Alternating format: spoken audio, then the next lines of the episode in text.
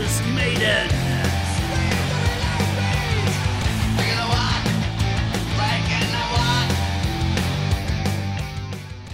Yes. Jeg, jeg, jeg er klar. Jeg òg er klar. Ja, har du, jeg, jeg nærmer meg mikken. Får du nok av meg i, eh, i øret? Ja, det tror jeg. Spørsmålet er om andre får nok. Jeg får aldri nok. Ja, ja. Men det er jo kjekt å være back in the business, ja. som eh, noen sier. Ehm, er det noe vi kan nevne siden forrige runde? Uh, Borts, ja. Bortsett fra at vi har begge har hørt litt på KKs Priest. ja, vi har hørt litt på KK's Priest. Men vi skal ikke snakke om det nå, egentlig. da Nei. Men si ett og et halvt ord om den, da. Ja, jeg vil si at um, litt eh, ujevn plate, og så var det Den hadde noen overraskende høydepunkt. Eh, det er min korte Ok. vurdering. Jeg er både enig og uenig i det. Det er min veldig korte. Eh, Men OK. Du syns han er jevn, med ingen høydepunkt? Vi skulle ikke si, snakke mer om det. Vi kommer tilbake til det. Ja, vi gjør vi, Skal vi si at eh, det blir eh, juleavslutning på Apollon? Det blir jul i år igjen. Det blir juleår igjen. Ja. Jul, og denne gangen blir det julespesial med jule, vurdering av julemusikk i forhold til Priest og Maiden. Ja. Kanskje For det har de dessverre gitt ut Nei, ikke gitt utgang, men de begge har involvert seg i eh, den store suppen som heter julelåter eh, Ja, og julealbum. Jule ikke sant? Ja. Men, eh, og det blir da 1. desember. Vi åpner på en måte eh, luken. Vi åpner luken for eh, de som er der Ja. til stede. Ja. Holdt på å si, det, si noe som rimer på luken. Det skal jeg ikke si. Men vi er jo da eh, altså så heldige å ha med oss en, eh, nok en gjest. Ja. Eh, og denne gangen eh, er- er det altså eh, min gode venn, Ja. eh, må jeg få lov å si, Frode Frode Helmik eh, Pedersen. ja. Velkommen til deg, Frode. Tusen takk, på. Har du det Velkommen. Jo. Ja. ja, Ja, må jeg jeg, kjenner ikke Frode, så jeg er veldig spent på, på denne episoden her. Hvordan er det med deg, eh, Frode? Jeg vet at du eh, ikke hører på like mye heavy som du pleide kanskje å gjøre. Back in the days. Hvordan eh, har det vært nå nylig? Ja, nei, jeg har hørt eh, Jeg hører litt på, på heavy innimellom. Det gjør jeg, men eh, absolutt eh, mindre enn deg. Det er helt sikkert. Ja, Og så har jeg vel hatt ganske lange luker i livet mitt hvor jeg ikke har hørt på nesten noen ting Nei. av, av heavy. Nei. Ja. Ja, riktig. Men nå i det siste har jeg jo hørt meg litt opp, da. Ja. Mm. Det er bra. Det, eh, er, jo, er jo proff, liksom. ja. det er sant. Men var ikke det, hvordan var det da? Var det litt eh, Var det litt ålreit å Hadde du, hadde du glede av det? Ja, altså, eh, nå skal du høre. Altså, Etter mitt syn så er jo heavy litt sånn Er jo i, i- sin kjerne et slags sånn gutteromsfenomen, sånn som jeg ser det.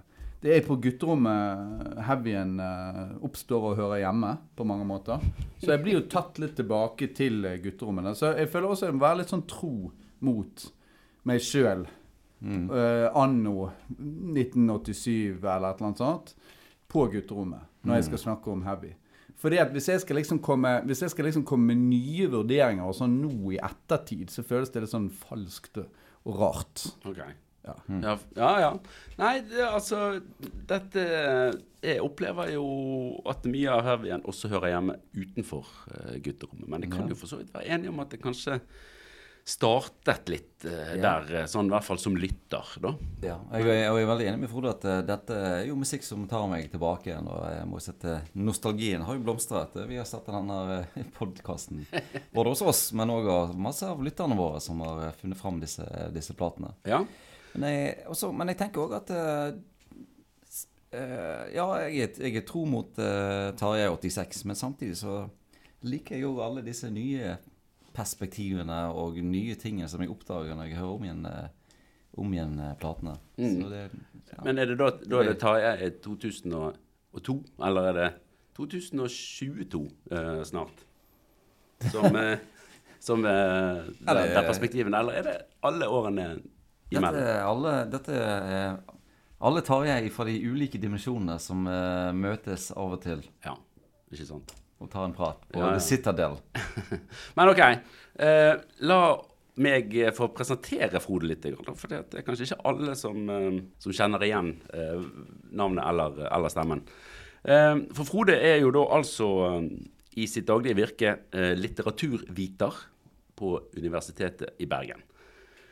Og har jo også, jeg vil si, en relativt høy profil som eh, litteraturkritiker. Eller anmelder, som, eh, som kanskje det, Som en ville sagt i musikken. Som da er, tenker jeg litt sånn mindre kritisk enn kritiker. Men, men det er kanskje greit å Ja, det, er sa, det er samme. Du kan si litteraturanmelder. Man kan det, ja. Det er ett ja, ja. Og, eh, og så er det jo da sant Det, det er undervisning og, og selvfølgelig forskning på universitetet. Eh, men så skriver også Frode bøker. Ikke helt ulikt det som du driver med på si, eh, Tarjei. Ja. Så, så nå sitter jeg plutselig i rom med to forfattere også. Jeg tror jeg aldri jeg har vært alene i et rom med to forfattere før. Ikke så jeg kan komme på. Det er spennende. Ja, så vi får se nå. Men, men eh, du valgte jo da Bjørnstjerne Bjørnson som, kan du si, din hovedfigur i din forrige bok. Stemmer det? Ja, det stemmer. Ja. Mm. Det, mens du valgte da eh, en annen. Ja, jeg valgte jeg, jeg valgte The Metal God. Jeg valgte The Electric Eye. Jeg valgte den store maskinen, den store datamaskinen som styrer samfunnet. Det er egentlig det som er, Ja. det er, det som er gjennomgangstonen i mine, mine bøker. Ja, ja, ja. Så, så der, eh, der har ikke dere like mye til felles, dere to, sånn forfatter eller eh, litterært, da. Men, men eh, du kommer jo også da med en, eh, en essaysamling, Frode, som heter 'Splinten i øyet'. Ja. Det er jo greit at vi nevner, sånn at du liksom får uh... Plugget den, ja. ja, Ja. Ja. ikke sant? Ja, kjøp den, alle lyttere. Splinten i øyet. 12. november kommer den. Oh. det det er er snart, det. veldig snart, det. Ja, det har gjerne allerede kommet. Da har den allerede kommet Ja. vi får luft med denne. Gå, gå, gå i Ja, butikken. nå igjen, ja. Men jeg tenkte 'Splinten i øyet'. Det var litt, litt sånn heavy tittel, på en måte. Hvis du Ja, jeg syns synes det, det, var ikke, det, det var ikke dumt. Nei? Ja, det, eh, kunne, kunne denne essaysamlingen vært eh, musikksatt av Priest eller Maiden? Og hvem hadde passet best av de? Uh, det, det hadde jo- jo Maiden gjort, da. Og, og Maiden er faktisk nevnt Ja, i, i boken. det er jo godt innsalg. Jøss. Uh, yes. Ja, det er jo fantastisk. Det er jo- Ja, nei, eh, hva mer trenger man å vite, tenker jeg, da, uten å spoile for mye. Uh, Maiden nevnes uh, der, da. Men uh, nå er det jo slik at jeg og Frode har en relativt lang historie sammen, hvis det går an å si. Og eh, har altså til og med spilt i band sammen, back in the days. fra ungdomsskolealder, omtrent. Eh, I da eh, det som eh, vi sjøl oppfattet som black metal i bandet. Det er jo black metal. Hva skulle det ellers være? Nei, hva skulle det ellers vært? Eh, Piggtrådmusikk, Mm. kunne noen sagt. Men eh, nei, så, så vi har eh, Vi har hørt på en del heavy sammen, vi, og både Priest og Maiden. eh, Ikke sant? Men jeg har et spørsmål Ja. til dette bandet. Var, var du involvert for de i tekstene, enten som forfatter eller som en eh, slags kritiker på å peke på hvordan, tekst, hvordan tekstene kunne bli bedre? Uh, nei, jeg, skrev to uh, tekster iallfall. Uh, av de som ble spilt inn. Uh, og så var jeg vel med å, å pusse litt på her og der. Ja. Så det, allerede da visste du Jeg skrev tekstene til mine Det, det er ikke så lett å skrive eh, black metal-tekster, faktisk. Men eh, du må liksom For du, kan, du kan ikke skrive black metal-tekster om liksom hverdagslivet ditt, eller om trafikklys, eller om din siste tur på puben og sånn. Alt må jo være litt sånn der eh, Litt sånn skremmende og, og, og underlig og litt sånn halvmytisk og litt sånn satanisk mørkt. Så du må liksom finne på et eller annet. Det er viktig med fremmedord eh, som du finner fram i, i på en måte ordboken? Ja, det var det sånne abomination of desecration-lignende greier. Jeg har holdt litt på med den type ting. Ja, det Putrefaction. Det var en periode der med, med spesielt britisk death metal, der mitt ordforråd på engelsk ble voldsomt utvidet, eh, på, og, og ordboken flittig brukt. Ja, det er særlig Carcass. Carcass Carcass, ja. eh, hadde mye vanskelige ord som måtte, Eh, eh, ut, eh, ja, måtte forklares. Så, så, Det var jo så- mer som medisinsk leksikon. Ja. ja, det er sånn. Uh, de har for øvrig kommet med en ny plate som jeg har på det Ja, siste, som er er- veldig god. Er- Hør på den. Jeg bare nevner det. Så, så, Ja. Og der har vi en kobling kanskje mellom Carcass og uh, Armaden. Medisinsk leksikon og historisk leksikon.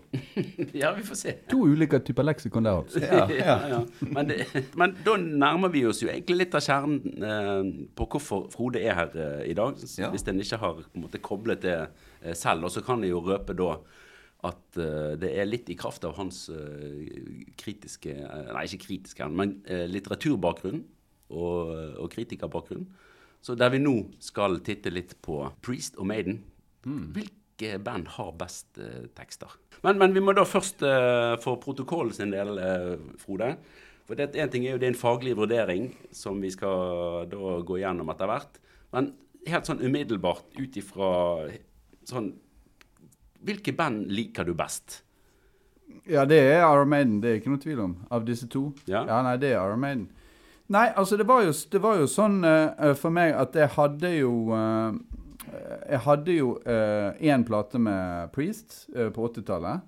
Som jeg hørte ja, relativt mye på, men ikke sånn det, det, det som var forskjellen på Maiden og Priest for meg, det var at Maiden inviterte meg inn i en større verden som var uh, rik på alle slags uh, fenomener. Mens, mens Priest for meg var bare på en måte musikken. Det var bare et rockeband. liksom, Så det var ikke noe mer. Mens de der Maiden-platene satt jeg med og, og, og studerte og levde meg inn i. og Det var rett og slett en slags mer, kanskje litt mer litterær verden, da. Eh, så, så for meg så Og det var en reise. det var sånn Hvert album var et eller annet nytt og, og, og, et nytt tema, gjerne. sant? Og, Mm. Eh, Du gikk fra på en måte Krimkrigen til, eh, til eh, det gamle Egypt og videre inn til fremtiden. Det jo eh, 'Somewhere in Time'-coveret er jo Kan du holde på med en god stund. Rett og slett du bare studerer det coveret. Ja, det er det. Det er det jo mange som eh, har gjort, eh, viser det seg. eh, Ja, blant de vi har snakket med også.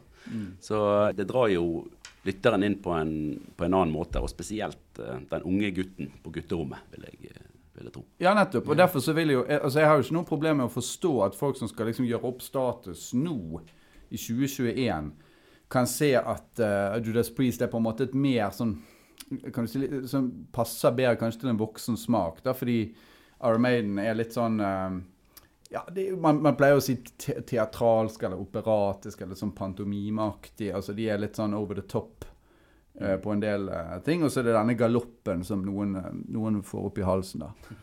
Men, eh, men ikke jeg, da. Nei, nei. elsker galopp. Ja, En god galopp. Ja. En god galopp, det.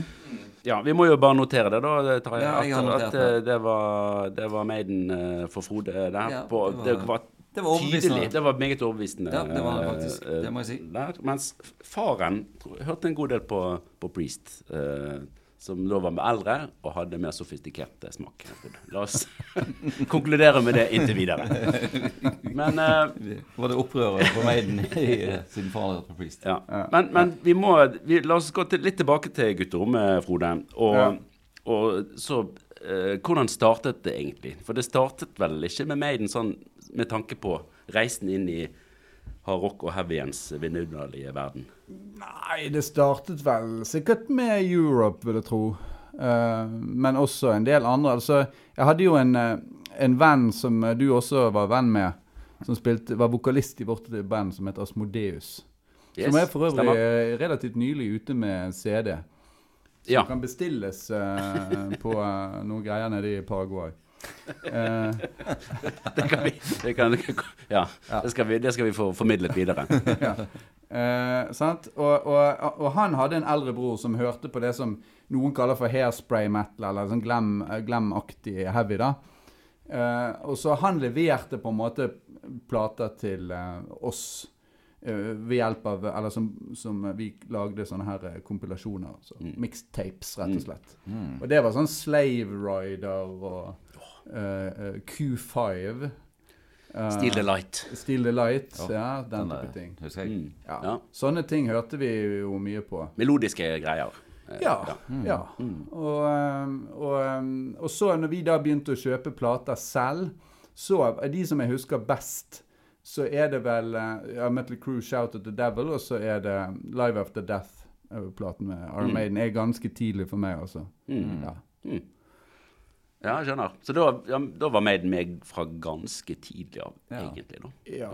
Eh, Men, men den aller første var Final Countdown. ja, vet du hva, det, er jo, det er jo, var jo egentlig det for meg òg. Det, det er fantastisk. For, jeg tror ikke vi har snakket om For en start. Jeg har jo ikke snudd meg tilbake siden. Uh, men det kan vi prate om på privaten. Uh, Jeg, jeg må si at jeg, jeg var jo litt eldre når Final Countdown kom, og så den var litt sånn Den ble jo litt eh, kanskje eh, litt eh, i softeste laget for meg, altså, da den kom fra en kant Altså, det- Ja, for da hadde du det hørt på si. Accept i flere år allerede, eksempel. det hadde jeg jo da, selvfølgelig. Og, Ja. Da nytter det ikke å komme med Ja. en, en sånn permanent eh, solbrun svensk uh, loverboy. Nei, også, men, Når jeg- jeg- Udo er Men den jeg tenker jo litt på det der eh, Det var jo litt sånn av motsetnings Selv om alle heavy uh, rockere skal være samme familie, så var det jo litt sånn motsetningsforhold mellom Slayer og Europe. Ja. Ja, det var sånn, Kunne du like begge deler? Nei, men hør, sånn som det var, det var Det var akkurat som du antyda i begynnelsen. Det var det at du gikk mot hardere og hardere. Mm. Det gikk ikke an å gå tilbake i Nei, det var, det var vanskelig. Sant? Og det, var samme når du begynte å ta på deg disse T-skjortene og merkene og sånn. Mm. Så måtte du bytte de ut sant? i tråd med at du, du sjøl Mm. begynte med harde og harde. Sånn at når vi, og, og så var det det siste steget til black metal. Jeg vet ikke om du husker det, men i 1993 når vi spilte inn den der demoen, så Mm. spilte vi den inn som death metal i mai 93.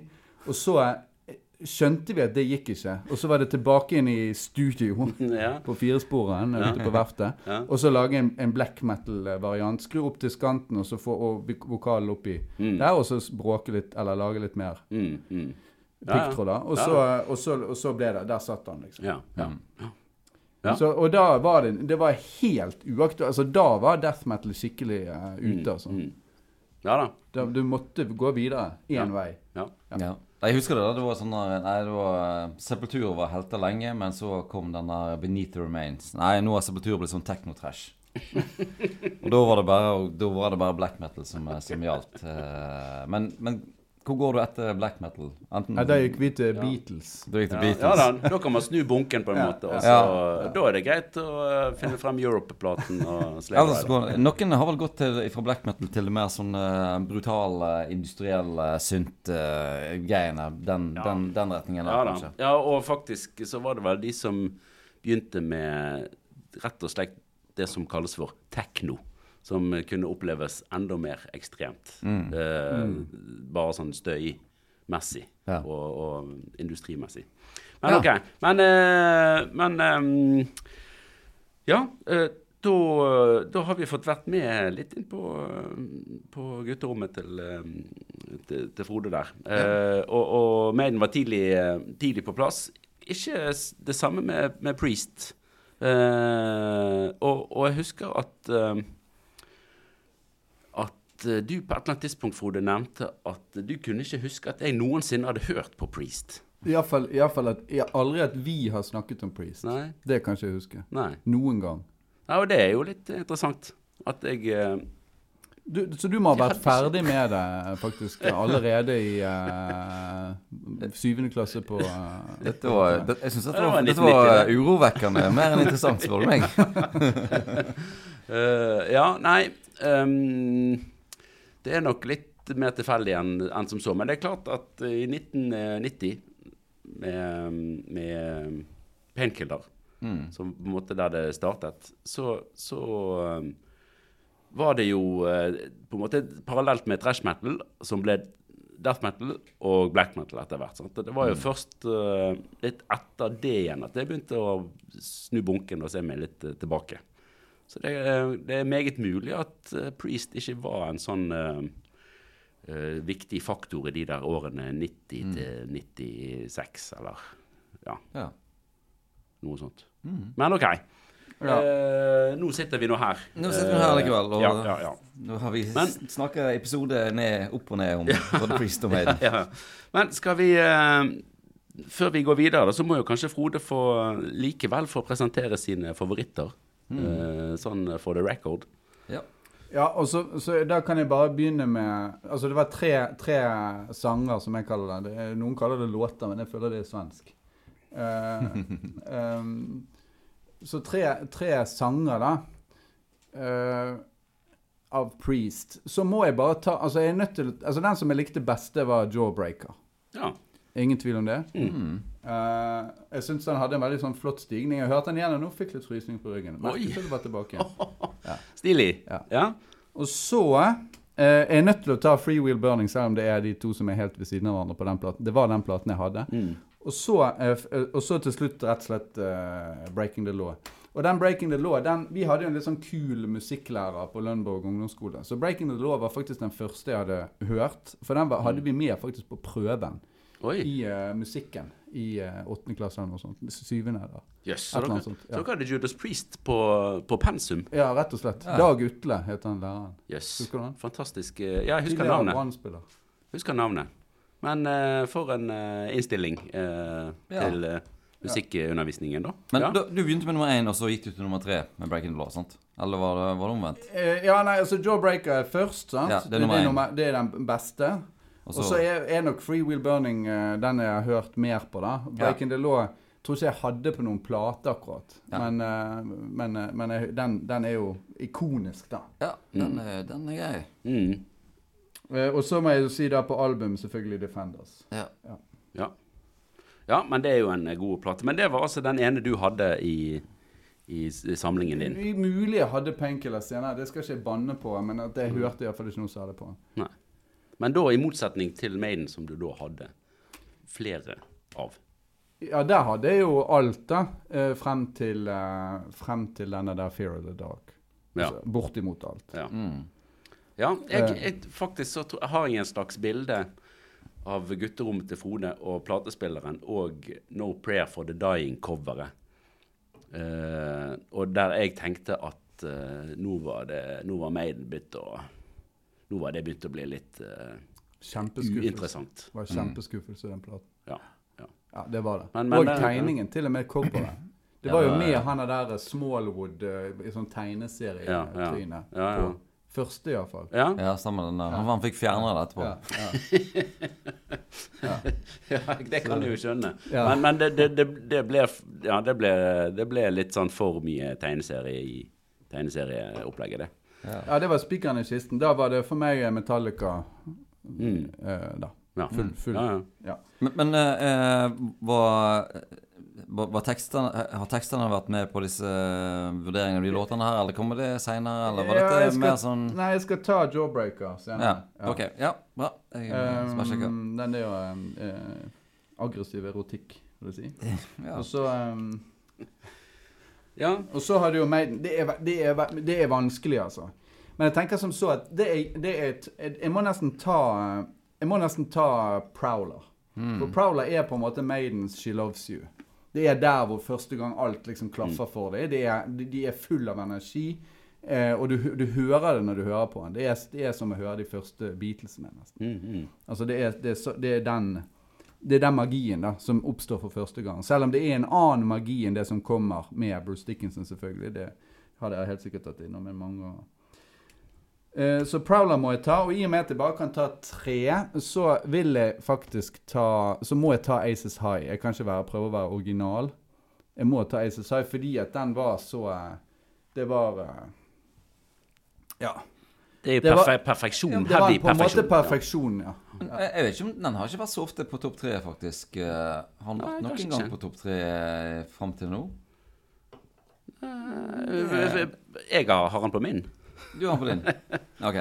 Ellers så, ellers så hører Ja, ikke og så, jeg og så etter. må jeg jo nevne, så må jeg jo nevne det at når, når jeg begynte å høre på ACSI, så var det Alive After Death. Mm. Sånn at, og der får du den der Churchill um, Mm. først. Det får du ikke på platen, så vidt jeg husker. På studioplaten. Nei, kanskje ikke. Jeg tror ikke. Ja, det har jeg ikke Så, tenkt så over. den, ja. eh, den, og den, det, det ga liksom en ekstra stemning, da. mm. Eh, og så Ja, så jeg sier den. Den siste den er litt kontroversiell. Men, og der er det og det å være litt tro mot seg sjøl. Og det er den første opplevelsen jeg hadde med 'Somewhere in Time'. Og det er først og fremst de to første minuttene. Sant? Fordi at han, han bygger opp, og det første riffet på en måte der, når, når den andre gitaren kommer inn der, så er det en, en, en stigning, sant? Mm. Og så er det taktskifte, og så Mm, suser mm. han av gårde. Mm. Det syns jeg var helt, helt fabelaktig første Mm. gang jeg hørte den. Og jeg hørte den sikkert ja, eh, En av de jeg har hørt mest den gangen. Ikke Ja. hørt den så veldig igjen. Men Nei. så hørte jeg den om igjen i sommer. Fikk frysninger. Huh. Det er jo sånn syntgitar. Det, Ja, ja. det, var, det var kontroversielt den gang, men ikke for meg. Jeg var en liten gutt, jeg visste ikke hva en syntgitar eller hva altså, For meg var ikke det kom ikke det inn Nei. i vurderingen. Så det var greit. Så jeg sier 'Somewhere in Time' litt under tvil. Mm. Mm. Fordi at uh, du kan jo selvfølgelig ta flere fra Power Slave og sånn, men hvis du skal ha en litt sånn litt spredning, da. Ja, men det er veldig, en veldig god liste, det der. Ja. Det- Men nå fikk jeg ikke med meg Oprola nummer én. Du Gikk det fra én til tre? eller? Nei, jeg har egentlig ikke rangert de så nøye, så jeg, jeg, jeg, eh, jeg tror kanskje jeg er nødt til å sette Hvis jeg blir tvunget, så tror jeg nok jeg må sette Aces High på nummer én, Prowlet på to og Somewhere in Time på tre. Dette fører jo statistikk over, så Ja, her må ja, vi, ja. her må vi ha Dette må vi ha eh, på ordentlig. Ja, ja. Mm. Eh, jeg syns det var flotte, flotte lister. Ja, jeg synes det var det. Og det, det er vel I dette miljøet som vi prøver å skape her, så er jo ikke Summer in Time noe eh, kontroversielle. Eh, sa- ting å trekke frem. Det kan jeg nå røpe. Hvis det kan du, Så de der frysningene på ryggen, de skal du få lov å kose deg med. Ja da. Ja, nei, men eh, kult. Men, Eh, men man, ja. valgte du album òg, eller? Ja, nei, det gjorde jeg faktisk ikke. Nei. Men, eh, men eh, Nei, altså det var litt fristende å si Live After Death, men det er på en måte litt sånn juks. For da blir det en antologi. Men det var egentlig den jeg hørte mest på ganske lenge, altså. Men, eh, men eh, hvis jeg skal ta de klassiske studiealbumene, så må jeg vel si Powerslave, tror jeg. altså. Jeg tror den er mer konsistent god hele veien. ja, det er Der er ikke du helt alene i den uh, vurderingen. Veldig fin plate, det. altså. Uh, den, uh, den har vel dukket opp som favoritt flere Ja, ganger. det har man. Ja. Men eh, Og Defenders med, med Priest. Ja. Ja, ja. Ja. Har, du, har du hatt gleden av å se, det, se disse live, disse bandene? Du slutt, sluttet du å gå på konsert? etter du Ja, sluttet jo. å spille konsert uh, sjøl? Var det da? jeg, jeg, jeg har sett Iron Maiden live. Ja. Det har jeg, men jeg har Ja. ikke sett Altså her på Koengen. Ja. ja. Men ikke uh, eh, Priest. Så Good for you. Ja. Det var, kanskje det var den som ikke jeg uh, var på. Det var bra konsert. Ja, det, det tviler jeg Husker du hva det var Tarjei? Var det den uh... Det var sikkert den 'Somewhere Back in Time'. Uh, ikke det? ikke Eller det var det uh, altså, hvilket år kan det ha vært? Det kan ha vært rundt eh, 2010? 2011, kanskje? Og vi hadde den tidslinjen foran oss Ja. på et tidspunkt. Vi hadde det. Rundt der. Men i og med at ikke jeg var der, så Det, det var den ene som jeg da ikke fikk med meg. Og da tenker jeg at hadde jeg vært der, så hadde vi nok sikkert uh, møttes. Før, Ja, før, men jeg var med en sånn der motorsykkelgjeng. Hæ? Biker og litteraturkritiker. Dette, eh, der, skulle gjerne vært flue på Yes, veggen. ja, ja. På Maiden-konsert med ja. bikeren og litteraturkritikeren. Den, den tråden må vi ta opp igjen, uh, men en, en, annen, en annen gang. Uh, Spennende, spennende. Yes, yes. Nei, Men, men, men oppfylte, oppfylte, oppfylte konserten Gutteroms-Frode sine, sine ønsker? Ja, ja eh, i all hovedsak. Du kan jo si det at jeg var jo ikke interessert i eh, altså, sanger etter Fear of the Dark, da. Og knapt nok derfra. Mm. Og der er det jo den der ene den der eh, som heter vel Fear of the Ja. Dark. Ja, det, det Den er jo en, sånn en konserthit. Ja. Ja. Ikke for meg. Nei. Det, er- der er det over. Uh, ja, nei da. Det, det, jeg forstår den posisjonen Ja, jeg må si, men den, den funker live, syns jeg. Ja, Altså. ja. ja, det- ja, det- det, meste, det meste funker jo live. Gjør det ikke det? Ja da. Nei, men, eh, nei, men fint, eh, Frode. Da fikk vi et flott lite sånn bakgrunnsteppe som vi kan eh, henge uh, på veggen. Mm. Mens det, når vi nå går videre til uh, da eh, fagdelen.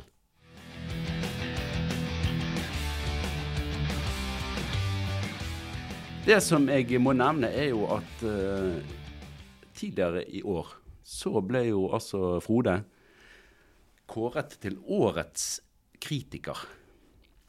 Og vi trenger sikkert ikke gå i dybden på hva som, uh, hva som skal til for å, å, å bli det.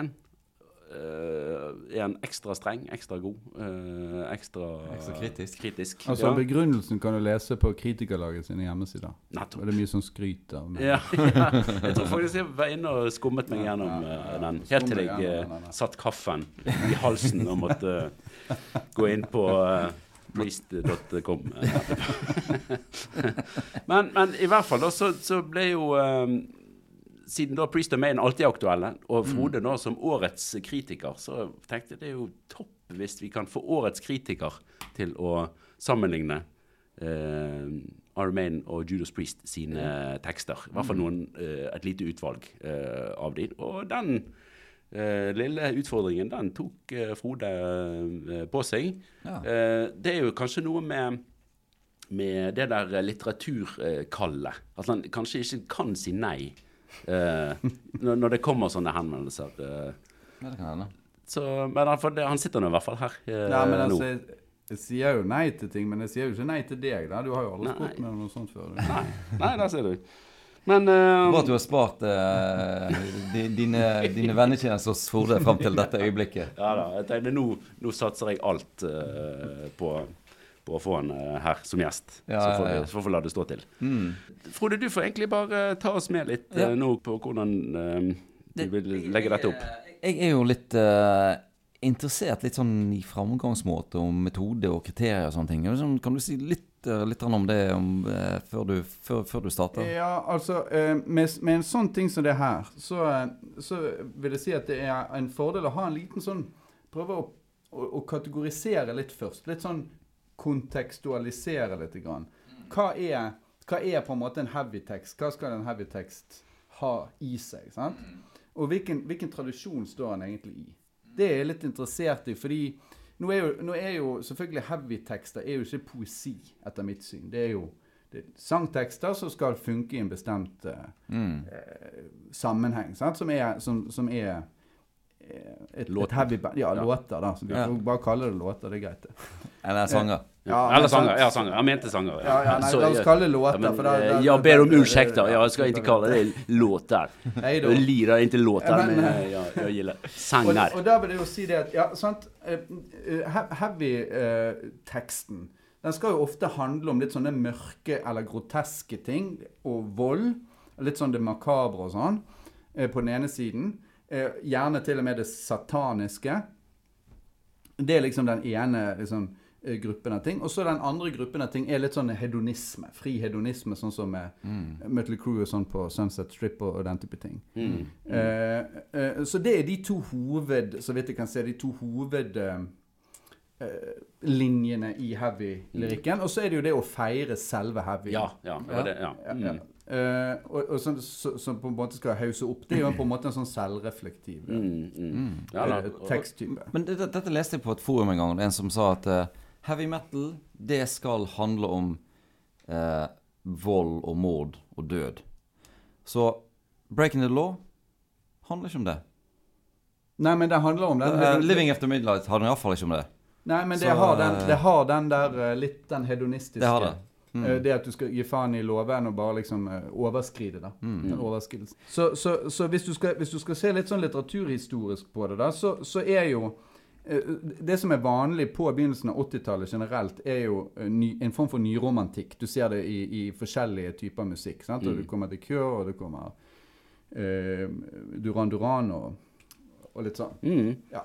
Og, det, og det, ser du, det ser du til dels også i uh, heavy-rocken på musikkfronten. Det gotiske, eh, det er det ene. sant? Det gotiske er jo alt sånn som er eh, litt grotesk, litt mørkt, eh, litt skremmende Mm. og sånn. Og gjerne også litt overskridende. Mm. Altså Munch som voldtar eh, jomfru og sånn. Ja, I, i, i, I de gotiske romanene fra slutten av 1700-tallet. Mm. Eh, Det, det er det ene. Og så er det det, det, liksom det romantiske jeget. Mm. Men sånn som jeg ser det, da, så, er jo, så har jo metal, eller eh, heavy, har jo tonet ned det der romantiske jeget. Så egentlig så kunne man si at, at heavy griper tilbake til en periode som er rett før romantikken. Altså den gotiske romanen, sånn 1780-tallet, 1790-tallet. Eh, Men stopper litt med den der voldsomme jeg-dyrkingen som romantikerne gjør, og som, som enkelte poppen eh, driver på med på samme tid.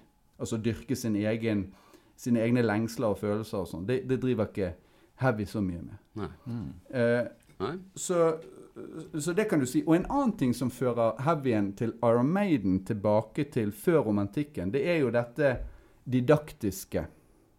Sant? Altså, didaktiske betyr eh, det som handler om å lære folk Mm. noe. Og, og Maiden har jo en hel rekke sånne tekster hvor du egentlig får oppsummert f.eks. Alexander den stores løpebane fra, fra han var prins til han eh, er på vei inn i India, Mm. i hvert fall. Ja, ja. Eh, med, med, med helt sånn konkrete historiske fakta ja, plassert ja. Årstall sånn. Og figurer. Ja da. Ja, ja, ja. Så, og det er jo typisk 1700-tallet òg. Så egentlig så kan du si det at eh, den der heavyen går tilbake til 1700-tallet på en måte, i, en- i tradisjon. Mm. For det, det, det som man også sier om 1700-tallet, det er at poesien på 1700-tallet det hadde alltid et emne. Politi, eh, poesien skulle handle om et eller annet. Det kunne handle f.eks. om, om Julius Cæsar, eller om sant? Sånn, sånn som det var hos Shakespeare. Sånn kan du tenke Mm. sant? Antony og Kleopatra, eller et eller annet sånt. Klart emne. Mm. Mens eh, i romantikken så ble poeten poesiens emne. Mm. Eh, Så sånn sett også er Iron Maiden i den 1700-tallstradisjonen. De han, tekstene handler alltid om ting. Mm. Om forskjellige klart definerte emner. Fra det gamle Egypt f.eks., eller vikingene som invaderer. Mm. Mm. Så, sånne ting. Så, så der, der er de på en måte litt. sant? Samtidig så er det jo veldig viktig for et heavyband at det er tøft. Det skal liksom være tøft. Det kan ikke være teit. Eh, Det er jo, og det var jo ekst, det var vi ekstremt vare for på gutterommet òg. Det er jo en hårfin det sant. eh, Ja, balanse der. der. Ja, hvis noe først var teit, så var det så jævlig òg. ja, sant. Også videre når det gjelder Maiden, jeg skal komme litt til Priest, så vil jeg jo si det at eh, alle vet jo, som har hørt på Maiden, at det er to hovedfaser. Sant? Det er Paul Diano-fasen, og så er det Bruce Dickinson fra og med Number of the Beast. Og der forandrer jo tekstene seg også. Eh, på Number of the Beast er det vel der de har Invaders, og så har de Genghis Khan, riktignok uten uh, Eller Genghis Khan er faktisk allerede på Killers. Ja, ja, Det ja, det, ja, ja, det stemmer. Han er allerede på Killers. Men der er jo det ikke betegnende nok ikke noe tekst. Det er kun, Nei. det er kun, Det er sant. eh, det er kun stemningen. Stemningen, ja. Ja. Men, men så kommer så, så, Men det er litt sånn forsmak, da. Ja, ja. Men så kommer det der uh, episke fortelle, veldig sånn fortelle Mm. eh, momentet inn. eh, fra og med Bruce Dickinson, egentlig. Og hvor mye det har med han å gjøre, det vet jeg ikke. Det er jo Steve Harris stort sett som skriver det. Mm. Eh, mens hvis du ser der på, på Poliano-fasen, altså de første singlene og de første to albumene, så er det en del sånn jeg-lyrikk. Eh, Så der er, de, der er de fremdeles på den. Og der, den er jo da ikke så veldig romantisk. Den er nesten mer sånn naturalistisk. Mm. Altså litt sånn eh, røffe livet i gaten og sånn. Mm.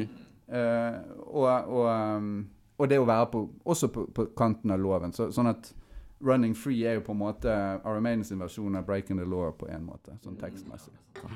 Jo da, men, men også er det jo mye eh, der òg når det gjelder dette med vold og og eh, være litt sånn grenseoverskridende, eh, er, det jo, er jo godt representert på de to første albumene.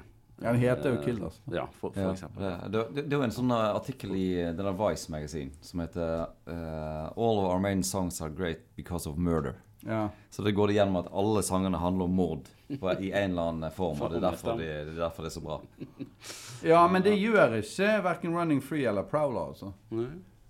Um, men det kan gå litt gjennom Prowler. Ja, og så ja. vi til sant? Prowler, som jeg sa i sted, det er litt sånn, uh, det er litt sånn She Loves You, bare, bare ikke Eh, Altså det er der de, der de liksom får det til. sant? Eh, dette er jo en, en veldig Altså Den begynner sånn, jeg kan jo lese det, da. Walking through the city, looking oh so pretty. Det er jo litt sånn nesten femininiserende. sant? Ja, oh, litt so pretty. Ja, han, kødder Ja. på en måte litt. Ja, men det er jo Steve Harris som har skrevet. I've got uh, just got to find my way. See the ladies flashing all their legs and lashes. Altså Du forestiller deg et horestrøk, men eller bare kvinner som er ute på byen. Mm. Ja. Det kan være begge deler. Ja. Men de, de, de byr seg på en måte frem, eller de, de, de fremstår som sexy for dette jeget. da. Mm. Eh, sant? Og så kan du si Well, I just got to find my way. Well, you see me crawling through the bushes with it open wide. Og it er jo smekken. Ja, Og så kommer det neste, blir det verre. Så kommer det neste. What you seeing, girl? Kuken. Uh, can't you believe that feeling? Can't you, believe, can't you believe your eyes? Jeg har aldri lest It's dette. the real thing, girl. Dette, Steve, dette Dette høres ikke ut som Steve Harris. på sitt kåteste. Å, herlighet. Og, og mest løsslupne. Så det er rett og slett Prowler er en sang om en blotter. Som Ja. eh, òg er litt sånn tongue in cheek. Som er litt sånn tror han er, er vittig. Kanskje ikke fullt så vittig for disse jentene som står der og ser på han. Nei. Men han uh, syns eh, åpenbart selv eh, at det er litt sånn Det høres ut som sånn her, det, det, det kunne være en rapptekst, rap egentlig, nesten. ja. Men jøss. Ja, ja. Nei, morsomt. Got me Ja. feeling myself. Ja vel. Ja.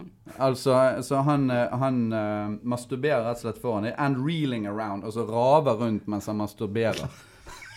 Dette er Steve Harris. Den, den, Steve Harris. Det er jo nesten som den gamle vokalisten i Vamp. eh, så der er, de, der er de rett og slett uh, altså, og, og det er jo det at også at blotteren er på en måte sangens helt. Eller Mm. antihelt, kan du kalle det. Men det er det han man liksom skal Som skal målbære forfatterens livsfølelse, da. Altså den frihetsfølelsen som han føler når han har fått eh, ned smekken og, og eh, ramler, raver, raver rundt i buskene. ja. Ja. Så det er en uh, La oss si en atypisk Steve Harris-tekst. Det må vi si. og, eh, og da blir det jo et spørsmål eh, å finne ut om hvorvidt det er selvbiografisk. Ja, og det må jo være biografens uh, oppgave å finne ut av. Ja, ja. Ja. Eh, Dette er jo en, en av de aller første sangene de spiller inn med, med den lineupen som blir sånn, sånn noenlunde varer en liten stund. da. Ja. Eh, og, så, og så er det da 'Running Free', som jeg tenkte å sammenligne, med, for, for, sammenligne litt med. Fordi eh, det er jo en tekst som Du kan si det er på en måte 'I Wanna Hold Your Hand', eh, da. Eh, hvis det andre var 'She Loves She loves you. Eh, men dette er jo Paul Diano, eh, og han Han var jo skinhead Mm. da han var rundt sånn 16. Og var jo, han, han var jo mer troverdig som en sånn ute av kontroll ung fyr da, Mm. enn eh, Steve Harris, kanskje. Som var jævlig seriøs hele veien, egentlig. Mm. Uh, og der, er der kan du lese da hva han skriver. Uh, han har jo selv sagt at han er selvbiografisk. Uh, just 16, a pickup truck, out of money, out of luck. I've got nowhere to call my own, hit the gas, and here I go. Med andre ord, han er husløs, eh, han, har, han er kun 16, Mm. og har en pickup truck. Mm. Ja, han er ung. Og, og så, eh, og så eh, ja, Og så bare kjører han av gårde. Ut, ut i verden. Ut i ingenting. Og han er down on his luck, så, sånn at han er på en måte det, det, går, det, går, det går ikke bra med han, men han er fri. Mm. Ja, det er frihetsfølelsen. Ja. den er- den- den, er, den er veldig sterk til stede, syns jeg. Den står veldig sentralt her. Sant? Og så kommer han videre. I spent the night in an LA jail, som han sier obviously ikke. Ja. Han, er jo ikke han har ikke vært i USA på det tidspunktet. Eh, beklager det, da. Eh, og, um, sant? Sånn det, men, men der er jo poenget at ja, han blir arrestert, men eh, politiet har ikke noe på han. Han er på en måte for smart for dem. Mm. Fordi at han sier ikke det at han, de har ikke noe på han fordi han er uskyldig, men fordi han er for smart. Mm. Og herregud, jeg beklager det. Jeg må ta den her. Altså. Alt kommer med. ja, det er mine kritiker, litterære kritikervenner. Ja. Ehm, og så sier han da um, Og så og så er det det da hele tiden i refrenget, selvfølgelig, at den uh, running free. Og så er det Pulled her at the bottle top, a whiskey dancing disco hop. Now all the boys are after me, and that's the way it's gonna be. Yeah. Yeah. Sånn? Pulled her at the bottle top. Der forestiller meg, Jeg vet ikke, men jeg forestiller meg at bottle top er en bar, rett og slett. Mm, Og at sånn er dekorert med sånne flaskekorker, som er jo ofte i barer. Pulled her, altså han får fatt i damen, da. Eh, kliner kanskje litt med hun, og så, eh, mens de danser med whisky og sånn. Og så er alle guttene etter. Og det har han egentlig, det er en sånn fantasioppfyllelse. Det er det samme som man finner i Per Gynt og alle mulige. Det er, Når du skriver lyrikk, så forestiller du veldig ofte at Altså når du hengir det til dagdrømmer da i lyrikken, Mm. så forestiller du deg ofte at du har damen, og alle de andre er misunnelige på deg. Så det er en sånn greie som foregår der. Så det er en sånn tvillingsang på en måte til, eh, til Prowler, uh, dette, uh, vil jeg si. Men, men uh, han, han, er, han er på mange måter faktisk mer normal Ja, enn en, det er sant. den jeget til Steve Harris. Da. Han, er, han er bare en gutt som er litt sånn ute av kontroll, men som får Mm. Så får da damen. Men, eh, men, eh, ja. men, men det som jeg vil også da nevne, er at begge disse tekstene er vel helt utenkelige etter. Ja. Uh, Iallfall etter uh, etter The Number of the Beast. The number of, Mm, mm. altså, da, da, skriver ikke De kommer ikke med noe sånt mer. De er litt 70-talls og litt punkete og litt sånn i den naturalistiske tradisjonen. Litt bohem, på en måte. Mm. Bohemtekster. Ja, og så kanskje litt sånn sånn og slett Han kunne jo drept Ola Damo, og det er derfor gutta er ute etter han.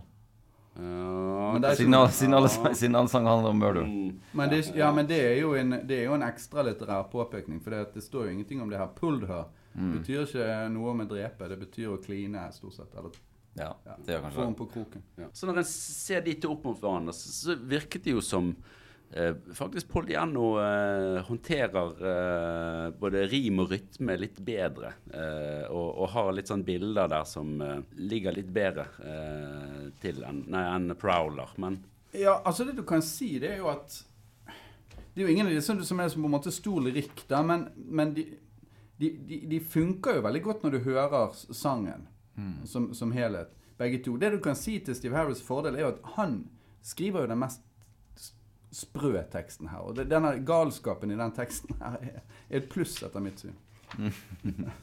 mens, mens du kan si at, at Paul Dianoson er litt mer konvensjonell. da. mm, mm. Ja, ja. Men uh, ja, i hvert fall ganske eksotisk når en tenker på at det var Steve Harris som skrev. Jeg har bare alltid tenkt at det der var For det høres så veldig Diano ut. Ja. Så jeg har alltid bare tenkt Ja, det- at det det var også, altså. han som hadde som hadde 40 pen der. Ja. Eh, Så hvis vi går videre, før vi kommer til Priest, da ja. uh, går videre til uh, The Number of the Beast. For det er jo Hvis disse to var uh, da She Loves You, I Wanna Hold Your Hand, så er jo eh, The Number of the Beast det helt av skelter, på en måte. ja. Eh, så, mm, så her er de blitt Her er de gått over i en helt annen fase.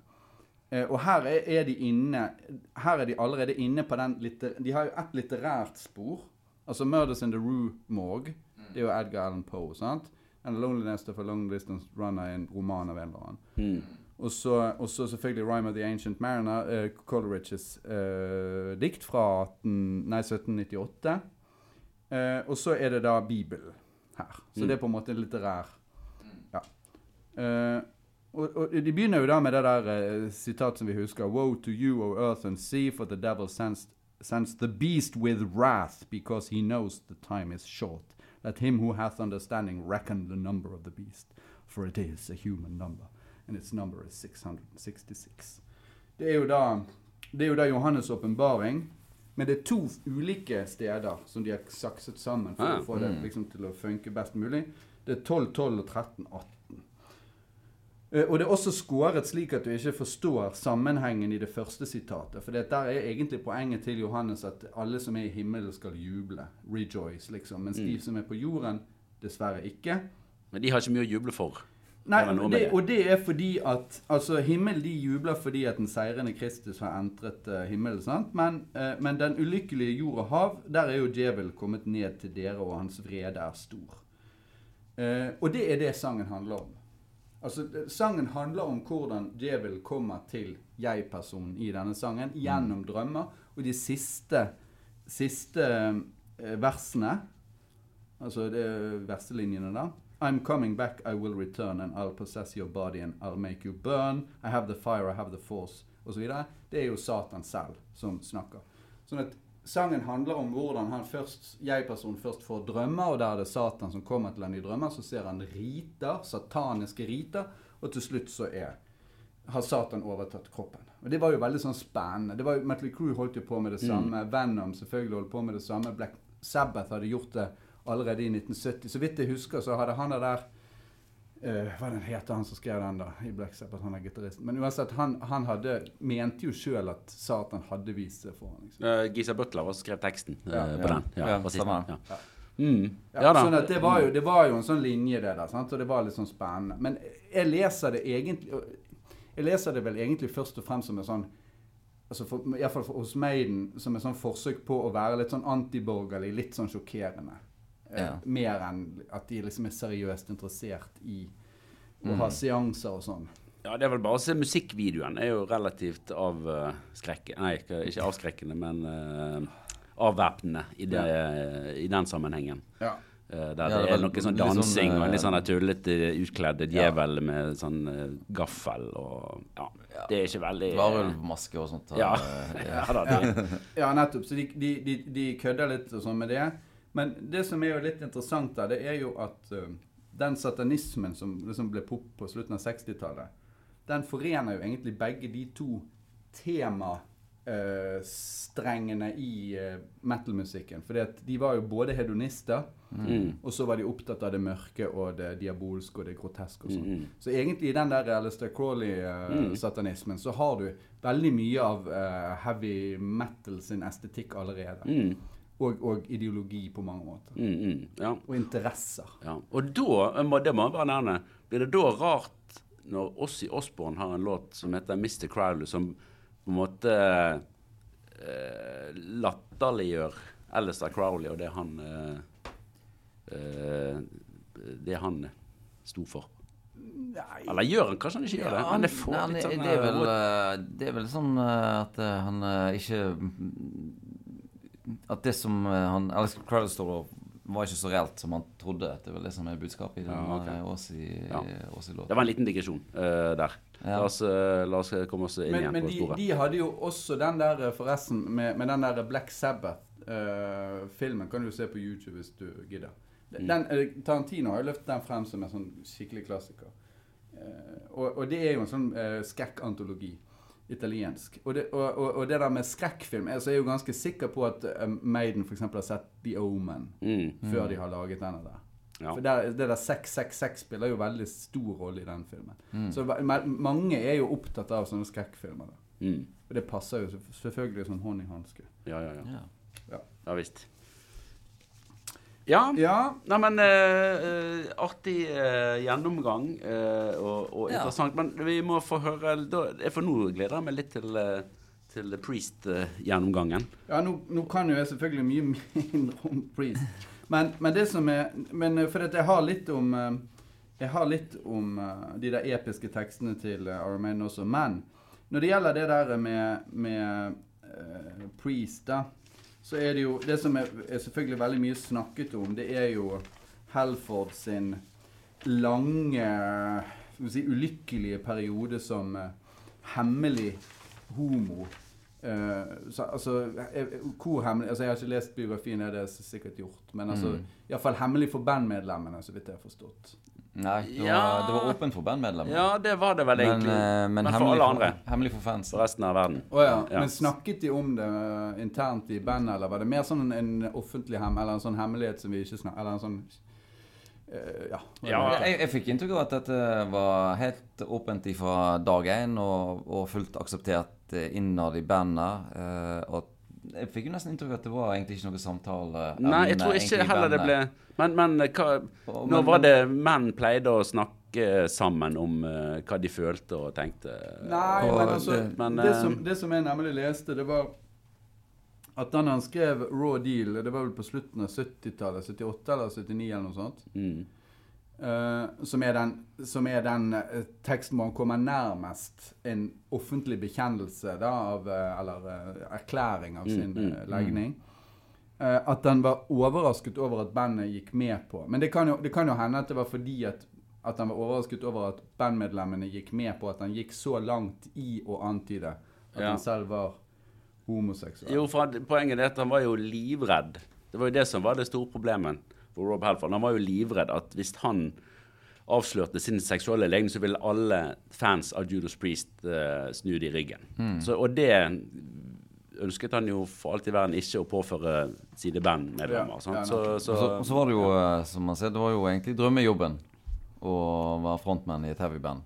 Så du må jo ikke miste det heller. Nei, nei. I, tillegg Nei, til å, å, å ikke ødelegge for kameraderiet Ja, ja, ja. i, i kompisene i mm, bandet. mm. så, så det var jo uh, rett og slett uh, det det handlet om. Så, så, så, sånn som han eh, skriver om det i boken, så er det jo mest uh, personer som er litt utenfor eh, den harde kjernen av, av bandmedlemmene, da. Som ba han å tone ned av og til. Han gikk jo med sånn Tom of Finland-T-skjorte på en sånn slags offentlig eh, tilstelning. Og det fikk han beskjed om at det var ikke så veldig lurt. For ryktene gikk jo om han uh, uansett. Ja. Uh, og jeg, det, så lenge jeg kan huske, så var det jo uh, Så var det jo snakk om at han var homo. Mm, mm. Ja, men uansett så, så er det veldig tydelig for meg når jeg leser gjennom disse tekstene, at de iallfall kan leses som et uttrykk for en veldig langvarig frustrasjon og etter hvert ganske mye hat og aggresjon og, og mye vonde følelser. Så det er sånn sett helt annen planet enn Iron Maiden sine tekster. Uh, men selvfølgelig den der Raw Deal, uh, som vi kan se litt på, den, den, er jo ikke, den er jo ikke vesensforskjellig fra i og for seg fra de der tidlige Maiden-tekstene som vi har sett på, men den er, den er preget av en st et større på en, måte, et, på en måte større alvor, men også en større ambivalens Mm. Eh, om seg sjøl. Altså, du, du føler denne usikkerheten hans. Sant? Fordi at eh, Altså, han, han, det handler jo om eh, Fire Island, New York, som, da, som var et sånt eh, sted hvor eh, homofile sam, ble samlet, altså, samlet seg, da, og traff hverandre allerede fra ja, lenge før dette. Mm, mm. Um, og her står det da at han, sant, han, han eh, I made a spike. Jeg går ut fra bare en, eh, en, en drink, da. Eh, About nine o'clock. Iallfall tar han, tar han noe Får han noe i seg, og så går han Og så går han til baren. Og så, og så er det da uh, Guys were fooling in the damn dudes. Ja. Så det er jo ganske klart. Uh, og, så, og så sier han da at eh, at bartenderen came grinning. I snapped a smile off his face and scowled. Give me a bourbon. At Der har han den macho-holdningen som jeg ser som Hvorfor skal han Hvorfor skal han tørke det smilet av bartenderen sin munn? Han tøffer seg. Men han tøffer seg på en litt sånn vond måte, føler jeg. Og så ser han i speilet, men han ser ikke seg selv i speilet. Det han ser, er folk som antagelig Altså menn som har seg med hverandre, eller et eller annet sånt. Eh, eh, um, the mirror was collecting and reflecting. Altså det både samler og reflekterer. Uh, og det, det, det samler og reflekterer, det er 'heavy bodies ducking and stealing, eager for some action'. Det er hele tiden litt sånn kryptisk formulert. Mm. Selvfølgelig fordi at han skal pakke det litt inn. The scene screwed me up. Med andre ord, han blir sønderrevet av denne scenen. Tra trukket da antagelig i ulike retninger. Og så står det 'I saw some contact'. Med andre ord, han har også Mm. blitt med på et eller annet der. And then the big boy saw me and knew that.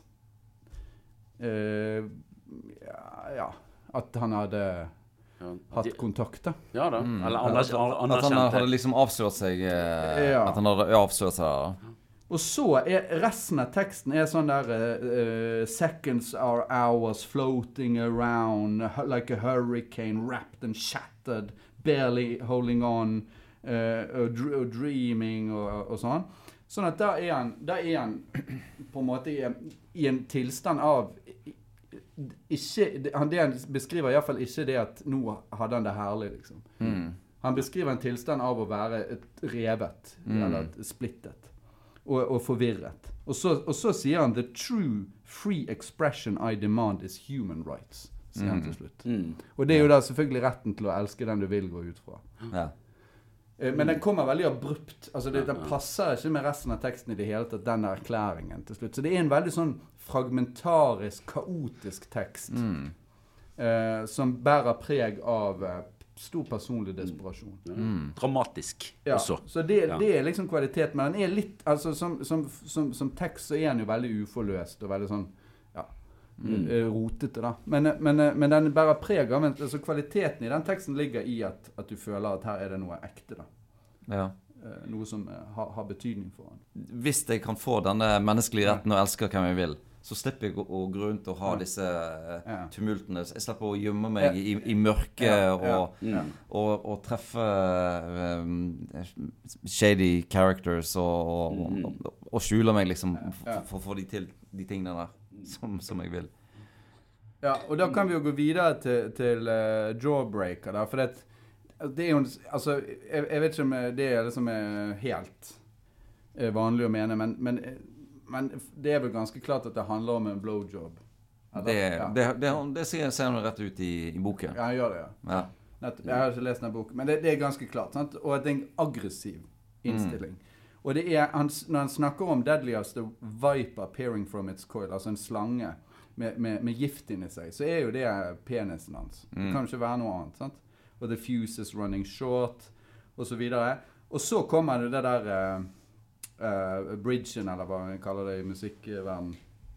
And all the pressure that's been building up for all the years, it bore the load. Sant? Da, da er det jo da er, da er det jo et psykisk press. Altså Da er det ikke bare liksom testiklene han snakker om. Det, det er et psykisk press. Dette har, dette har ventet og ventet og ventet. Samtidig så har han en voldsom aggresjon. Han skal knuse de der skjevene uh, med sitt lem, liksom. Sånn at han har en sånn vond Det er hele tiden en sånn vond eh, måte å uttrykke seg på. da. At det, det er mye smerte der, og det er mye aggresjon og det er mye frustrasjon. Så han skal liksom knuse de der skjevene uh, til, til, denne, til denne partneren, da, som, som muligens er en sånn der uh, cruising-situasjon. Ja. Eh, så, så jeg vet ikke. Men, men Men det er jo eh, kortsiktig, det er jo kortsiktig da, hvis han vil gjøre dette flere ganger. Så Jo, vi vet hvor vanskelig det er å finne folk som eh, kanskje på hans men, tid men jeg lurte på om det var også om samleie går videre når jeg leste det med 'claws dug in the dirt'. Altså hvis, hvis du ser for deg at Claus er, er menneske, da, dug in the dirt, så er ikke det typiske blowjob-situasjonen. Nei. Det er, Da har vi gått videre til andre aktiviteter. Andre, ja, andre vinkler. Eh, særlig når det står 'muscles all contorted', Claus dug in the dirt, every ounce of fiber on alert'. Mm. Men, men det, dette er interessant, for dette, i, i, i boken så mener jeg at han skriver at det, at det er litt sånn uh, tongue in cheek, og det handler om en, eh, en, en kar som har eh, svær penis, og derfor så, så uh, blir det press på, på kjevene, rett og slett. Men det kan jo hende at han har sagt det fordi at han vil på en måte tone ned den aggressiviteten som du finner i teksten. Ja. At han på en måte prøver å, å på en måte uh, vitse litt vekk det, det, den, den egentlige meningen bakom teksten. Ja, og er det, det, det, det, teoretiske spørsmålet vi er innom her, er intensjonsproblematikken, som er i litteraturforskningen. Sant? Og der, der er det jo veldig mange som har notert seg at forfattere sier jo alt mulig Ja. om sine egne bøker og sine egne dikt, ettersom det passer dem. Ja. Og det kan ha med, med at de er blitt interessert i noe annet, og så prøver de å hele tiden å, å forme sitt eget forfatterskap etter det som passer de best i øyeblikket. Da. Mm. Så, så du kan ikke bruke det som en sånn, sånne fasiter for tolkning. Nei, Så eksempel det der at du har, at du har vært jævlig sånn aggressiv uh, i en sånn sammenheng, så det er kanskje gode grunner til å tone ned når du skal snakke om det. Ja, det, kan, ja, det, det er sant. Ja, ja. Men det er jo ingen tvil om, for det er jo, kommer jo frem i boken uh, sant, der han forteller i, sant, i, i mange år der han, etter der bandet, når de i Kassien gikk på fest Rob Halford gikk ut alene og eh, tok drosje til nærmeste truckstop og satt på toalettet der og ventet på at noen skulle Ja. komme og cruise. være med på noe. sant? Ja. Det er klart at det blir eh, ofte uten det, resultat. Ja, ja. Ja. Sant? Det blir mye eh, Hvis ikke man blir frustrert av det når man har på en måte likevel tilsynelatende litt sånn top of the world-posisjon. Så det er klart at eh, da um... De, de andre i bandet fikk jo utløst uh, alt de ønsket ja, etter konsertene. Ja da, det er det vel ingen tvil om. Så, så, så det der um, Ja, så passer blander- fint med. Ja, og så blander du det med, med masse alkohol og litt uh, en- andre Rus. ting. Og, Rus, ja. rus, ja. Mm. Ja da.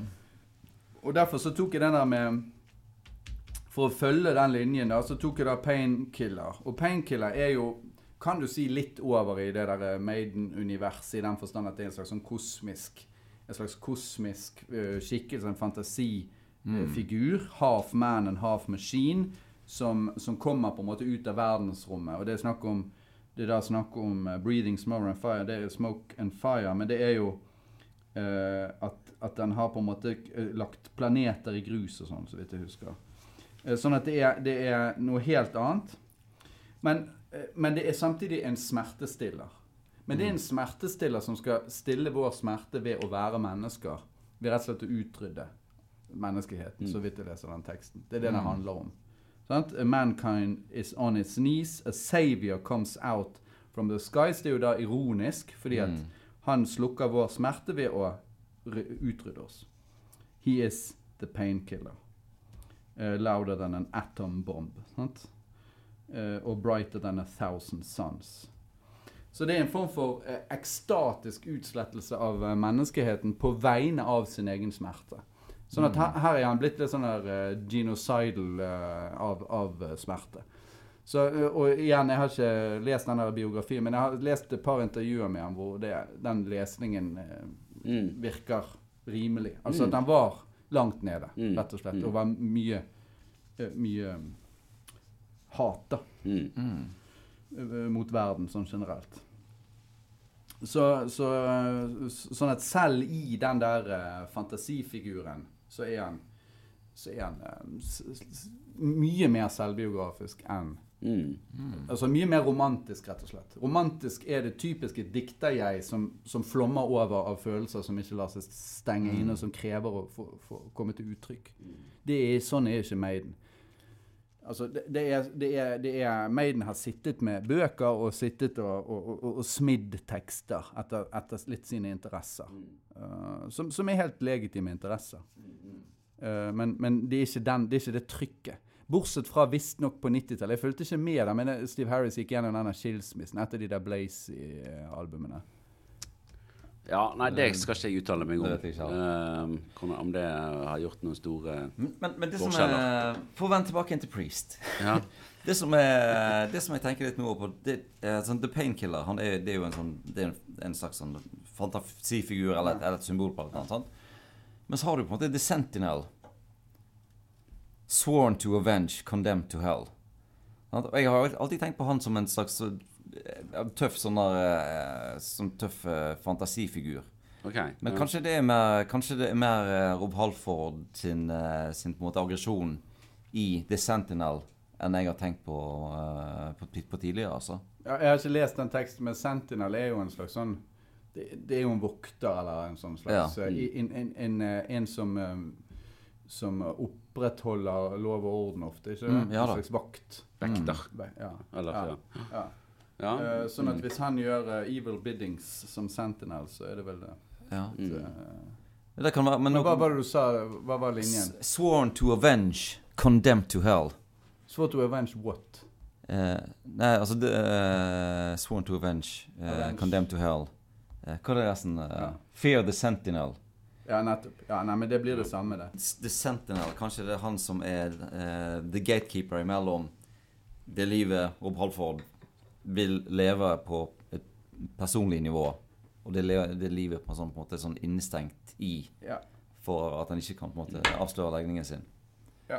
Jeg tror du, vi, vi kan finne masse sånt i, i mye av det. Nå uh, syns jeg at du unlocker enda mer eh, Nå unlocker du masse greier i eh, Ja, nå, ble, nå ble Priest enda bedre enn når vi fikk unlocka den der, altså. Men, men eh, Frode, hva tenker du eh, hvis vi vender tilbake til eh, litt sånn litterære tekniske med tanke på rim og rytme og, og sånt? Nå har jo du snakket mye om eh, budskap og, og eh, ja. hva man ender opp med å, å føle og kjenne på når man leser og, og, og ikke minst hører dette. Jeg har jo en litt sånn oppfatning av at, at uh, Rob Halford er litt bedre på uh, nettopp uh, de tingene der. Eh, at, at det er mer poetisk, det han eh, driver med, mm. kontra Steve Harris, da, hvis vi kan holde oss til han. ja. Det kommer an på hva du snakker om. Altså, jeg tror Altså Jeg har ikke peiling på hva jeg snakker om.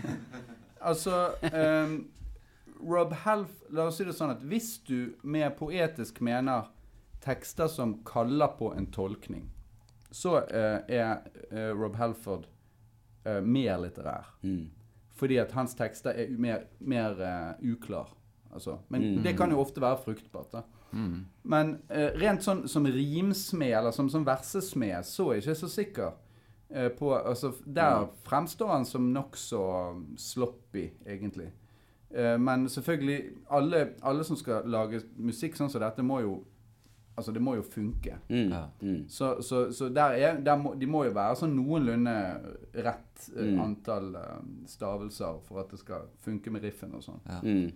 Eh, mens, mens altså, det som jeg så på Altså s- det, det som, som, som igjen Altså, det er en forskjellig form for poesi, eller tekst. Steve Harris skriver i en preromantisk tradisjon på mange måter. Eller iallfall en fortellende tradisjon. Så hvis du leser uh, Aces High, eksempel, så tar han deg med uh, i, i denne piloten. sant?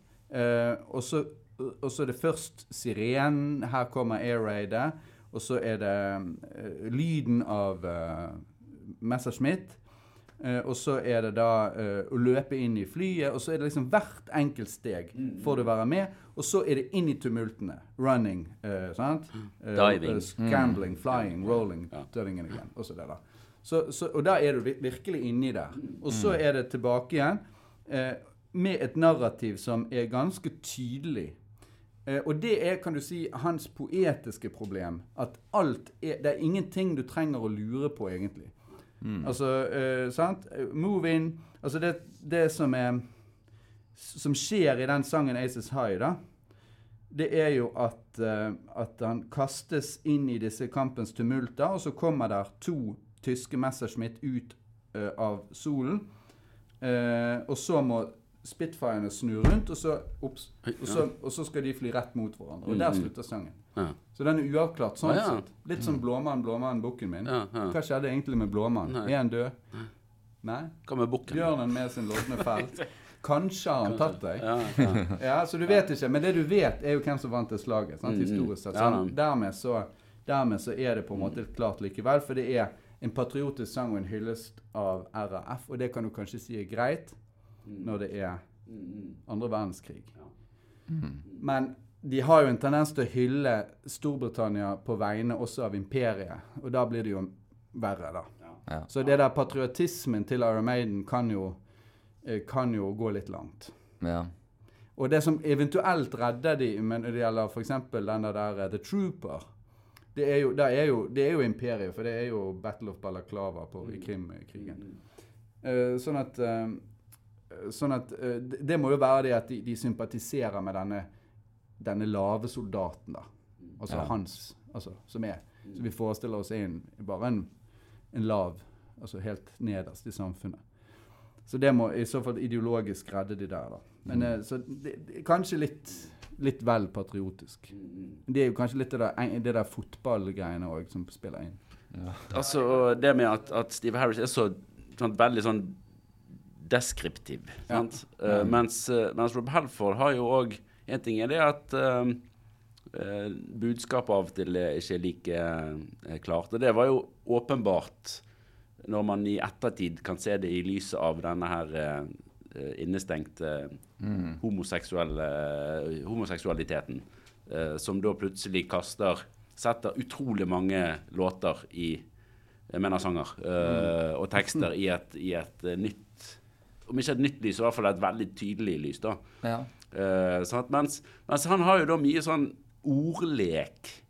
Og konstruerer av og til ord som ikke fins. Og, og på en måte er, setter stemninger på en måte uh, som, som du ikke heller finner i, i eh, Maiden sitt tekstunivers. Men, men på en annen side så er det jo sånn som med Aces High. altså Det er jo utrolig uh, imponerende gjort hvordan den teksten passer med, med musikken. Ja. sant? Det er jo et slags, et slags eh, maleri med, i, i, i, i, i fin detalj Ja. som Ja. skildrer krig. Men òg nesten litt sånn eh, Nesten litt sånn uh, nøytralt, selv om måte det er jo en patriotisme igjen.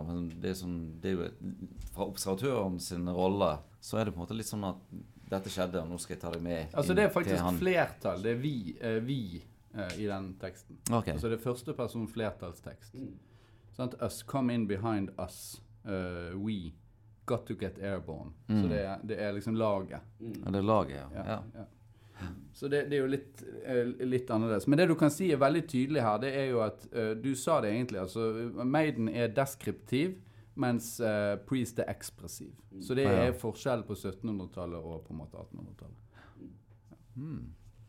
Så, så, men hvis du ser på hvis du ser på denne Rhyme of the Ancient Mariner, som jeg gikk faktisk litt igjennom i dag, Ja. så er den ganske, ganske imponerende. Altså, der har han gjort, der har han i hvert fall gjort et skikkelig jobb, da. For det, det som han gjør der, er jo egentlig at han tar ut det som han er mest, føler er mest interessant av Coleridge sitt dikt, som er ganske langt. Ganske, det er ikke det enormt langt? Nei da, det er ikke enormt langt. Du klarer å lese det på en times tid. Men uh...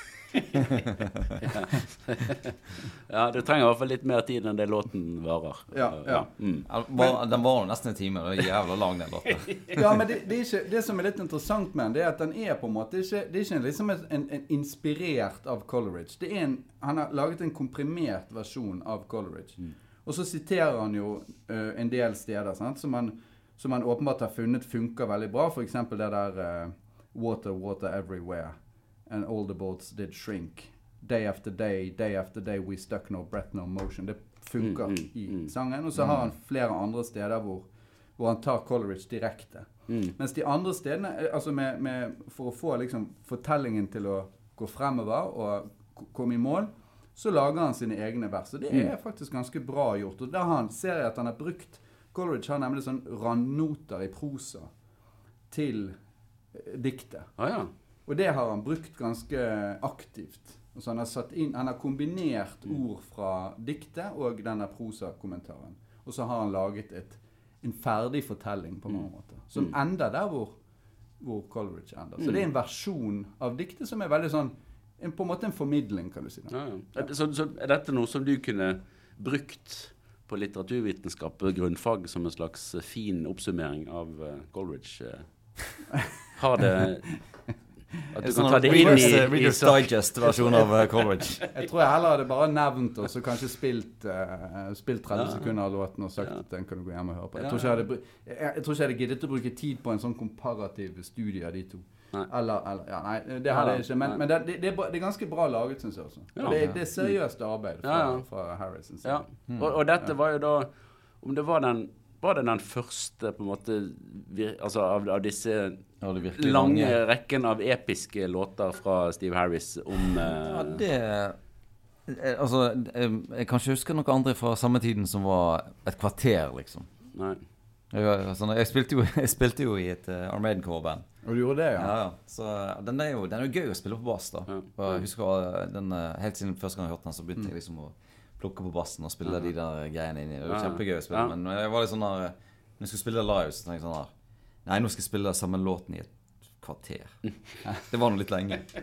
Ja, Men er det sånn eh, prog-rock-innflytelse, egentlig? Nei, altså det er jo det at jeg, Nei, det vil ikke jeg si, men det er jo da partiet det med at, at du har sånn du si, dramatisk eh, sånn eh, Det er litt sånn lyd, Eh, lyd, lyd- lydkuliss- ja, litt sånn, og knirking i bordet. Nei, ja, litt sånn radioteater Ja, inni der. eh, sant? Og, og da med sånn at du legger om takt og, og litt sånne ting. Men, men veldig progressivt utover det vil jeg jo ikke si at det er, da. Så, så da er det bare et, episk, Episk, og, og, episk. og melodiøst. Ja. Men det må jeg jo si at uh, i forhold til uh, tekster, da, så syns jeg at uh, sånn på, på um, Spesielt Rhyme of Ancient Mariner, Aces High Noen av de her um, The Death of the, of the, of the Celts, uh, spesielt på den siste, Mm. der, der går liksom uh, um, uh, bildene fra musikken veldig godt sammen med bildene fra teksten. Der syns jeg de er gode veldig ofte. Ja. ja da, men det er, det, det er jo det de har drevet med de siste Ja. 25 årene, egentlig. Det er jo sette litt sånn episke melodier til. Ja. Men, men eh, Det, gjerne det, er ikke alltid, det, eh, det er ikke alltid det fungerer like bra, men når Nei. det funker, så syns jeg det, det, Ja. det er veldig bra. Og det, det gjør det til gangs på Ja. The Ja. Rhyme of the Ancient Mariner. Ja. ja. Og, og da, sammenlignet med Priest, som da har relativt få uh, episke låter, eh, da bortsett fra kanskje fra denne Det er noe på Nostradamus, og så har vi jo da denne en eksempel med Loch Ness. Loch Ness. Der da faktisk Rob Halford skriver om Loch Ness. uh, The Terror of the Deep. ja, ja. Som er litt eh, Der er han liksom ute i eventyr og folk, folkloren på et tidspunkt. Med en litt sånn episk Ja. eh, låt eh, der. Ja. Men OK. Jeg føler at vi kanskje må, må oppsummere og ende Ja. opp med en slags vu- fagvurdering fra Frode nå om um, hvordan dette um, Selv om vi nå Jeg følte nå egentlig vi bare så vidt touchet innom, i og med at det var litt tidlig eh, sånn tekster fra tidlig i karrieren, eh, egentlig for begge band.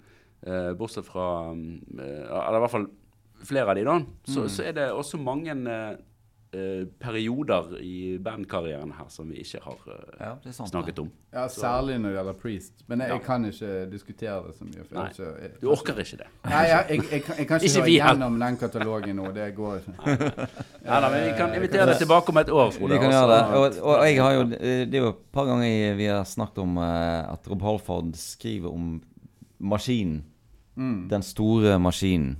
Eh, både i på en måte i, eh, i, i ren, både overført betydning og ren billedlig betydning fordi at han vokste opp med, med disse stål, i dette stå, stålsamfunnet, holdt på å si. Mm. Der disse ubønnhørlige maskinene gikk hele døgnet, og, de, og, og folk var på en måte slaver og jobbet i disse her, Mm. uh, under disse forholdene. Mm. Uh, som jeg syns er en sånn tematikk som går igjen uh, i, i en del av tekstene, tekstene hans. Mm. Og kanskje det er liksom maskinen som ikke lar han slippe fri eh, den han egentlig er. Mm. At, den, at det blir overført eh, til, til den, den tematikken der òg. Samfunnsmaskineriet. Som, som knuser han og kverner han. Mm. Men så er det vel motorsykkel òg, ikke det? Ja, Som det er er den maskinen han rir, liksom. Mm, ja, at han på en måte tar litt kontroll Mm. over maskinen. Ja, det er jo friheten. Ja. Sant? Mm. Ja. Ja da, og det var jo tilbake til den motorsykkellenge som Frode var med på, på konsert. Det var jo inspirert av Rob Halford sin eh, Harley. Eh, Det var derfor de, det var derfor de ble bikers. Ja. Men ok, Frode. Men eh, hva, hva tenker du, da? Eh, hvis, hvis du nå må si da, at et av disse bandene har eh, Nå, nå, nå, nå har disse bandene levert inn eh, sine, sin semesteroppgave til Frode. Altså Det er sagt sånn beskrivende som er forskjellen mellom de, la, la oss si det sånn For meg så funker Iron Maiden bedre på gutterommet. Ja. Det åpner verdener for meg, og jeg sitter der med disse her coverene og, og, og drømmer meg inn i disse forskjellige Mm. Eh, scenarioene da, som de beskriver. Så, sånn sett så funker har Maiden funket bedre for meg. Jeg, Mm. eh, så, altså, de, det der med Jawbreaker hørte jeg mange ganger som gutt, men jeg skjønte jo ikke hva det handlet om i det hele tatt. Jeg tenkte vel kanskje bare en som slo en fyr ned og brakk kjeven på han. Eller Ja. noe sånt. Sånn at jeg tror ikke Altså, så, så, hvis jeg skal liksom være tro mot uh, gutteromslytteren, da, Mm. så, så må Iron Maiden få uh, den æren av å ha åpnet opp verdener for meg og sånn. Men hvis jeg skal vurdere det nå, så, så kan du jo kanskje si at, at det er en viss mer sånn eh, Det som på engelsk kaller for urgency i eh, Priest. Altså en, en form for at, at, at, det er en ekspressiv nødvendighet som ligger til grunn for noen av disse tekstene, iallfall. Mm. mm, mm. Så, så de er på litt Altså du kan si de, Priest er litt voksnere, men jeg vil jo ikke si at denne der eh, raw deal er så veldig voksent skrevet. da. Det er mer en, en desperasjons... eh, et Ja. uttrykk for, for Ja. Og, vi, og vi må jo minne om at Rob Halford har jo også skrevet tekster som f.eks. 'Hot Rockin', som du kan kanskje se for deg hva handler om, Frode. Eh, og, og hvor dypt går den, på en måte? Og hvor, hvor nødvendig var den å skrive? Eh, kanskje Snakker, var du, det snakker du ned hot Rockin'? Jeg bare nevner det som et helt tilfeldig I wanna go Eksempel. somewhere when I can, where I can scream and shout. Sant? Det, det, det, det føyer seg litt i, Ja. eh, i rekken. eh. Nei, men- men, men den, den diskusjonen, den, Ja, eh, nei, den kan vi ta. jeg, jeg, jeg nøler med å skille mellom de på tekstfronten, men, Ja. men det, det som funket best for meg da jeg var ung, var iallfall Maiden. Så, men da, da går det ett poeng til Armaden her, da. Ja, det virker som unge, men, men professor Frode virker Jo, som han kanskje ville det er ingen av disse som har tekster på det nivået hvor du liksom tydelig kan skille sånn Altså, det er, det er, for, det er rett og slett for langt under liksom det poetiske løftet som, som, eh, som er eh, Ja, hvor, Ja. hvor, vi, hvor vi kan begynne å virkelig snakke om litterær kvalitet. Ja, Ja, Mm. Det er ikke helt der, noen av de, altså. Og så var det vel et, som et viktig poeng, som du sa innledningsvis, at eh, dette hører sammen med fuskgitar og trommer. Ja, eh, sant? Og at det er et viktig premiss også eh, Ja, der, i, her. Ja. Ja. Men, Men ok, da, da, det blir et poeng til Armaden, da blir det et eh, poeng til Armaden, da. Ja, Jeg må, nesten, jeg må nesten gi det, Ja. altså, Ja. som, som Iron Maiden-fan og, og ikke spesielt interessert i Priest. Da tenker jeg at vi slutter av eh, Men jeg må si at dette Også for at vi skal stryke den siste der, da. Dette syns jeg var veldig interessant, Frode. Og eh, ja, dette hadde jo Vi har jo snakket om det lenge å få, få Frode på besøk, og dette det oppfylte mine forventninger, og, og vel så det, i forhold til ja. eh, måten som du eh, angrep begge disse tekstene på. Og ja, vi har lært om eh, romantikk og gotisk, og jeg syns det var kult å plassere liksom, disse teksttradisjonene sånn, eh, på Ja. i, i to forskjellige tradisjoner. Jeg synes det var, dette var interessant, Frode. Tusen hjertelig takk ja, for ja. at du kom. Ja, tusen takk. Og så vi må Folk kan jo skrive inn på internett. Det kan de. Eh, kan de gjøre. Og uh, Priest vs. Maiden ja. at gmail.com. Og nå er vi kun på TikTok. Er ikke det sant? Kun på TikTok. Ja, alle Nei, andre sosiale Nei, det er, det er, så 2021. Nei, jeg mener ikke Det er sånn 2020-greier. ja. Så, så der uh, er det kun eh, TikTok eh, fra nå av. Ja. Uh, så, men um, vi kommer tilbake vi med flere episoder. Vi gjør faktisk det. Og takk til alle de som hørte på. og ta igjen kontakt og foreslå tematikker og krangle med de som har vært her. noen andre som har noen mening om de tekstene, så må de gjerne komme med de. Ja, ja da. Og Frode skal få i så fall sendt dette videre og måtte Uh, selvfølgelig uh, gi oss gode svar ja. på det. Ja. Nei, men fint. vi sier takk og hei og hå. Takk for alle, til alle som hørte på. Takk, Frode. Takk. takk for det. Ha det bra. Ha det.